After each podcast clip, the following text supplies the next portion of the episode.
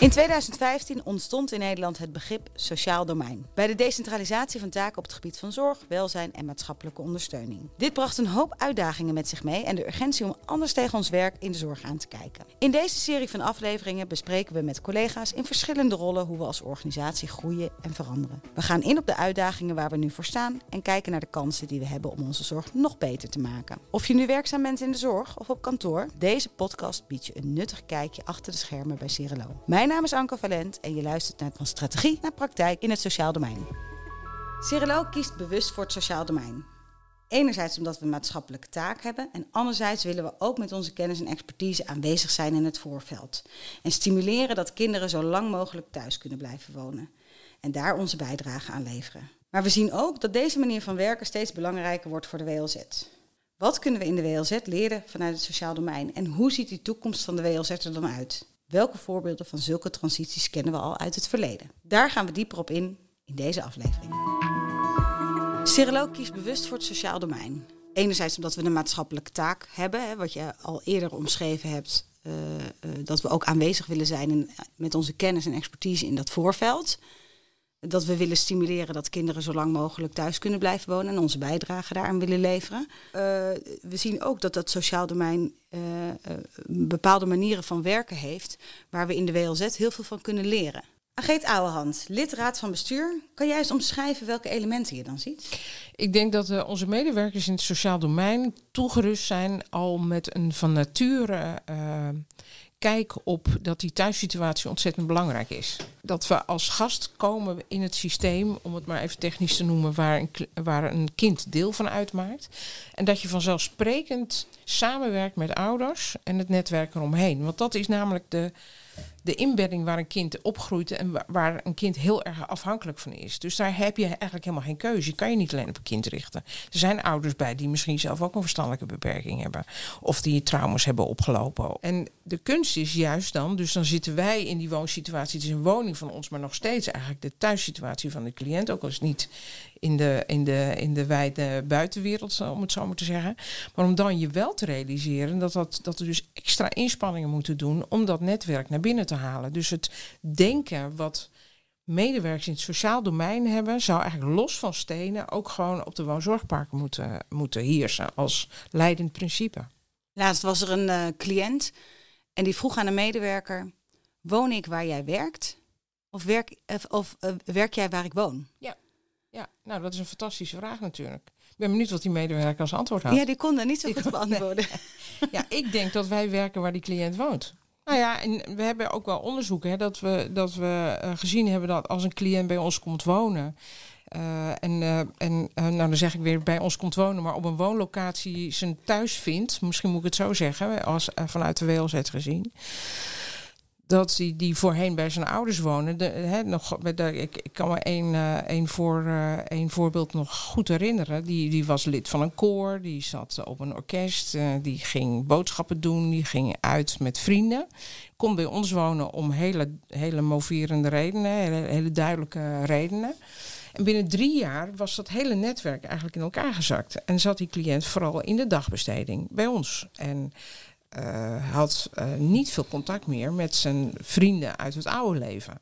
Dan was ook de fysieke afstand daar wel een probleem uh, bij, want dat was 50 kilometer of zo. Dus dat is best wel een eind rijden om alles te onderhouden. Maar ja, als je daar naar kijkt, dan denk ik, hebben we nou echt ons best gedaan, goed genoeg ons best gedaan om toch daar nog iets van in stand te houden? Kan iemand, al, al, ga je niet meer elke week, maar kan je wel met minder frequentie toch weer naar die plek toe? Waar je vrienden zijn. Kunnen die vrienden daarbij helpen? Kunnen ze bij jou komen? Komen ze de verjaardag uh, dan waar je dan woont uh, vieren? Terwijl dat voorheen uh, thuis bij die ouders was. Dus het zit niet eens een hele grote ding hoor. Maar het zit juist in dat hele sociale welzijnsstuk. We hebben allemaal relaties van betekenis nodig in ons leven. En dat is toch wel heel armoedig als we daar niet in investeren. Dat is echt een hele belangrijke taak van ons. Als wij zeggen goed leven, levenslang, levensbreed, is het onze plicht om daarin te investeren. En speelt digitalisering daar ook nog een rol in? Want we hebben natuurlijk in corona gemerkt dat we Ja. ook heel veel op afstand kunnen doen. Ja, inderdaad. Dus die 50 kilometer, die is natuurlijk, stelt niks voor als je dat eh, via een iPad kan doen. Nogmaals, ik hoor allerlei mensen zeggen, ja, niet elke cliënt kan dat en is daartoe in staat en snapt dat. Dat is ook zo, maar laten we ons niet door die cliënten, eh, door die groep, dat we het, de rest die het wel kan, dat we het daar dan ook maar niet doen. Dus dat zal maatwerk zijn, onderzoeken en bij de een kan het wel en bij de ander kan het niet. Maar ik vind het echt onze plicht om daar meer energie in te steken. Ook naar ouders toe. Ik hoor het ook van verwanten. Die willen heel graag iets doen. Eh, en die zijn zelfs in coronatijd toch een beetje buiten de deur gehouden. Ook in de tijd dat er best wel weer bezoek toegelaten werd. Of, het, en dan gaat het over de was opvouwen, dan gaat het over koken, dan gaat het over eh, hoe je met kerst de, de zaken organiseert. Dat zeggen wij toch uit alle goede bedoelingen, want dat moet ik wel zeggen. Hè. We willen mensen ontzorgen, zo zijn we ook uit het verleden natuurlijk wel opgeleid en, en ook opgevoed om dat te doen. Eh, het, het, ehm, als als eh, ouders bij onze kind brengen, is dat een ongelooflijk ingewikkeld proces. Dan een tijdje afstand neemt en niet direct alles blijft doen, kan ik me alles bij voorstellen. Maar dat is, dat, die tijd is heel waardevol geweest, omdat dat is een soort emancipatie van cliënten geweest en van de zorg. Maar ik denk dat we naar een volgende fase moeten, dat we daar de goede dingen van behouden. Dan de cliënt wel zijn eigen leven als volwassene kan kan, zoals elk iedereen zich losmaakt van zijn thuissituatie in de loop van zijn leven. Maar eh, dat we wel de goede dingen uit dat netwerk behouden. En dat we daar wel de connectie mee blijven houden. Nu zie ik het veel doorschieten dat we het helemaal niet doen. Of dat we het alleen doen, oh het rooster is niet vol. Zullen we ouders vragen om het een en ander te doen. En dan, dat zijn de klapstoelvrijwilligershouding. Weet je wel, je kan komen als wij het zelf niet kunnen. Maar je kan weer gaan als, als wij de boel op orde hebben. En dat is een hele, ja, toch een hele beheersmatige aanpak. Wat is de rol van het netwerk hierin? Volgens jou, Brechtje Fleur, regio-directeur Midden-Nederland. Nou, ik denk dat het netwerk ons daarin ook wel goed de weg kan wijzen. Op een gegeven moment ben je een beetje ingeslepen in bepaalde patronen van dingen die je doet. Beste voorbeeld is bij ons thuis altijd de afwasmachine. En natuurlijk kunnen mijn kinderen, die zijn 15 en 18, zelf de afwasmachine uitruimen. Maar ik vind gewoon even sneller dat ik dat ochtends doe, tak, tak, tak. En dan kan iedereen daarna makkelijk ontbijten. En ik denk dat in de zorg dat net zo is. Dat we een aantal in dingen inslijten van, oh, dat doen wij zo. Omdat het dan slimmer, sneller is vanuit eh, de begeleider. Eh, eh, en dat nou, de cliënt dat soms prima kan. Maar we moeten ook bij, zowel bij de medewerker als bij de ouder als bij de cliënt. Er zit ingeslepen gedrag in. Waardoor je het overneemt van de ander. Omdat je daardoor, nou ja, wat je soms denkt, dat kan ik beter. Ik kan het sneller. Het is effectiever, efficiënter. Maar eigenlijk ben je aan het onderstimuleren. En aan iemand aan het ontzorgen wat niet nodig is. En je moet een stuk naar achter. Ehm, hoe zit dat voor, voor verwanten en vrijwilligers? Nou, die zijn soms ook verbaasd dat we ze hen zo weinig eh, benutten.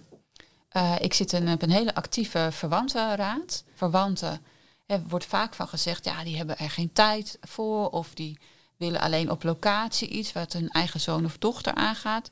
Terwijl ik denk, nou, ook dat is al mooi, hè, want dat is al een eerste stap.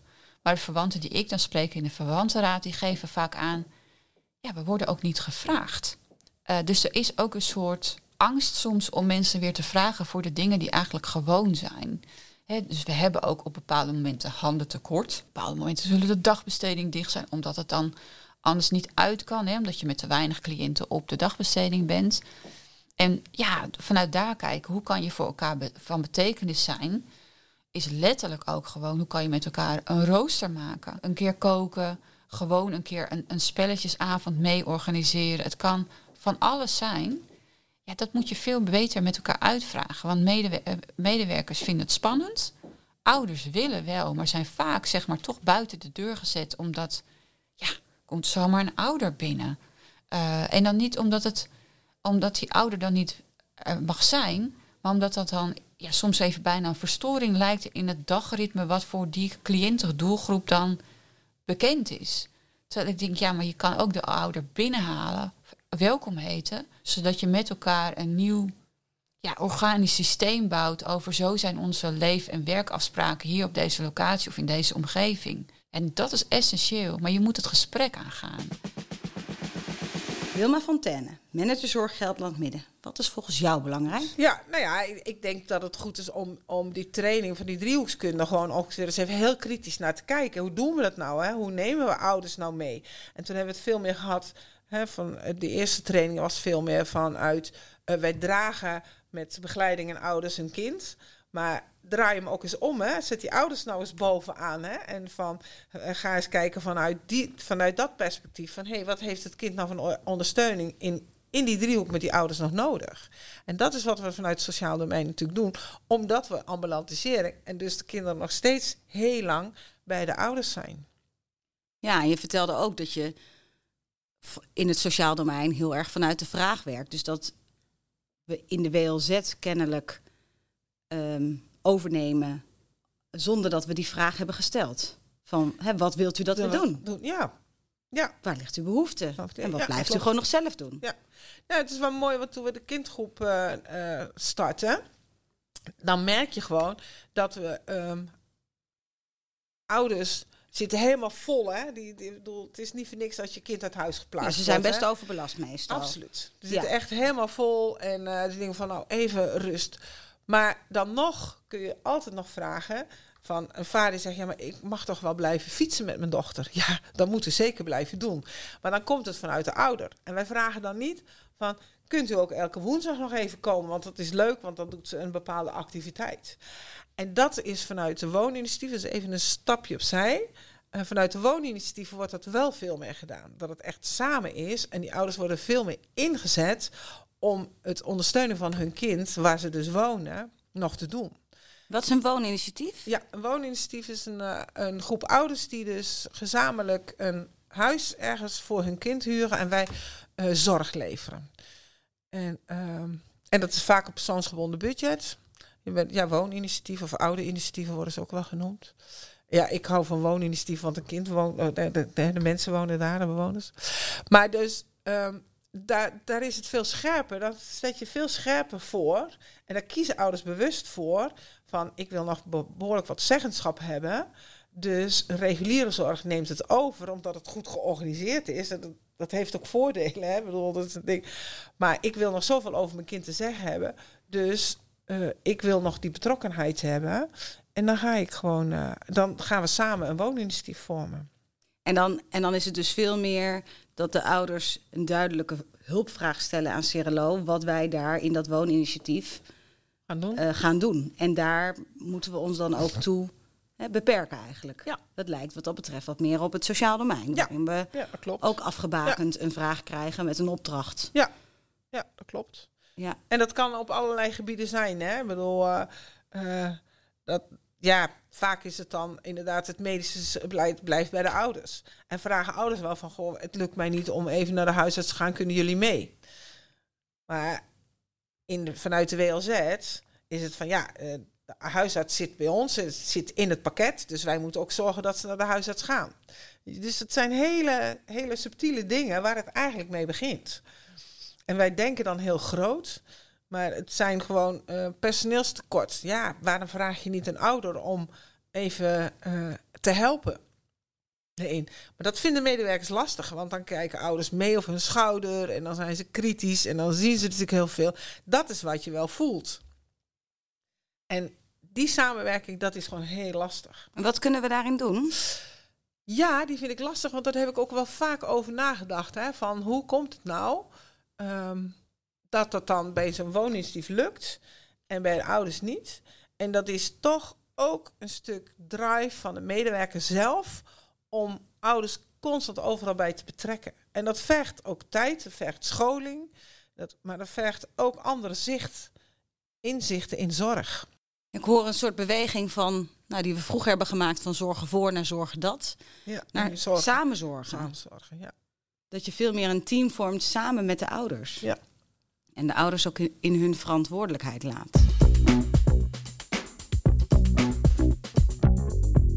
Loslaten is een belangrijk toverwoord in het sociaal domein. Esther Hageman, manager Zorg Oost-Nederland. Wat moeten we volgens jou loslaten? Nou, wat zouden allemaal de, de risico's die we allemaal lopen? Wat kan er allemaal wel niet fout gaan? Wat zou er niet gebeuren als? Als we dat eens los gaan laten. Het mag wel eens misgaan. En zeker. Ja, maar in ieders leven gaat toch wel eens mis. Maar wat doe je als het misgaat? Hoe ga je er dan weer mee om? Wat heb je ervan geleerd? Ik heb ook de try and error, ga ik door het leven heen. En dat is toch voor ieder mens, maar het- schijnbaar mag, mogen sommige cliënten dat niet.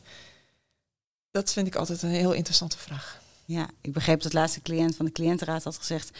haal het bubbeltjesplastic nou eens van ons af. Ja, nou, echt. Ja. Ja, dat helemaal. ja. Niet zo risicomijdend zijn.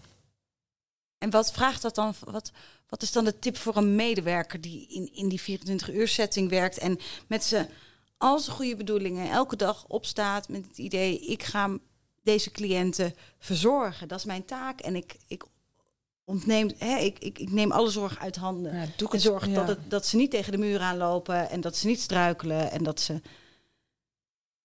Doe ik het voor mezelf of doe ik het voor die ander? Dus de vraag is: eigenlijk denkt iemand dat hij heel cliëntgericht werkt. Zeker. Maar zeg jij, Nee, dat is niet zo. nee. Volgens mij doe je het soms meer voor jezelf dan voor die ander. Maar dat is even een mindsetverandering. Ja. Want zo heb ik het wel op de opleiding geleerd. De WLZ kan leren van het sociaal domein. Dat hoorden we een aantal collega's vertellen. En die beweging vanuit het sociaal domein wordt dan ook steeds meer van toepassing op de WLZ. In de volgende aflevering gaan we kijken naar de toekomst van de jeugdzorg in Nederland. En horen we een aantal gouden tips die je echt niet wil missen.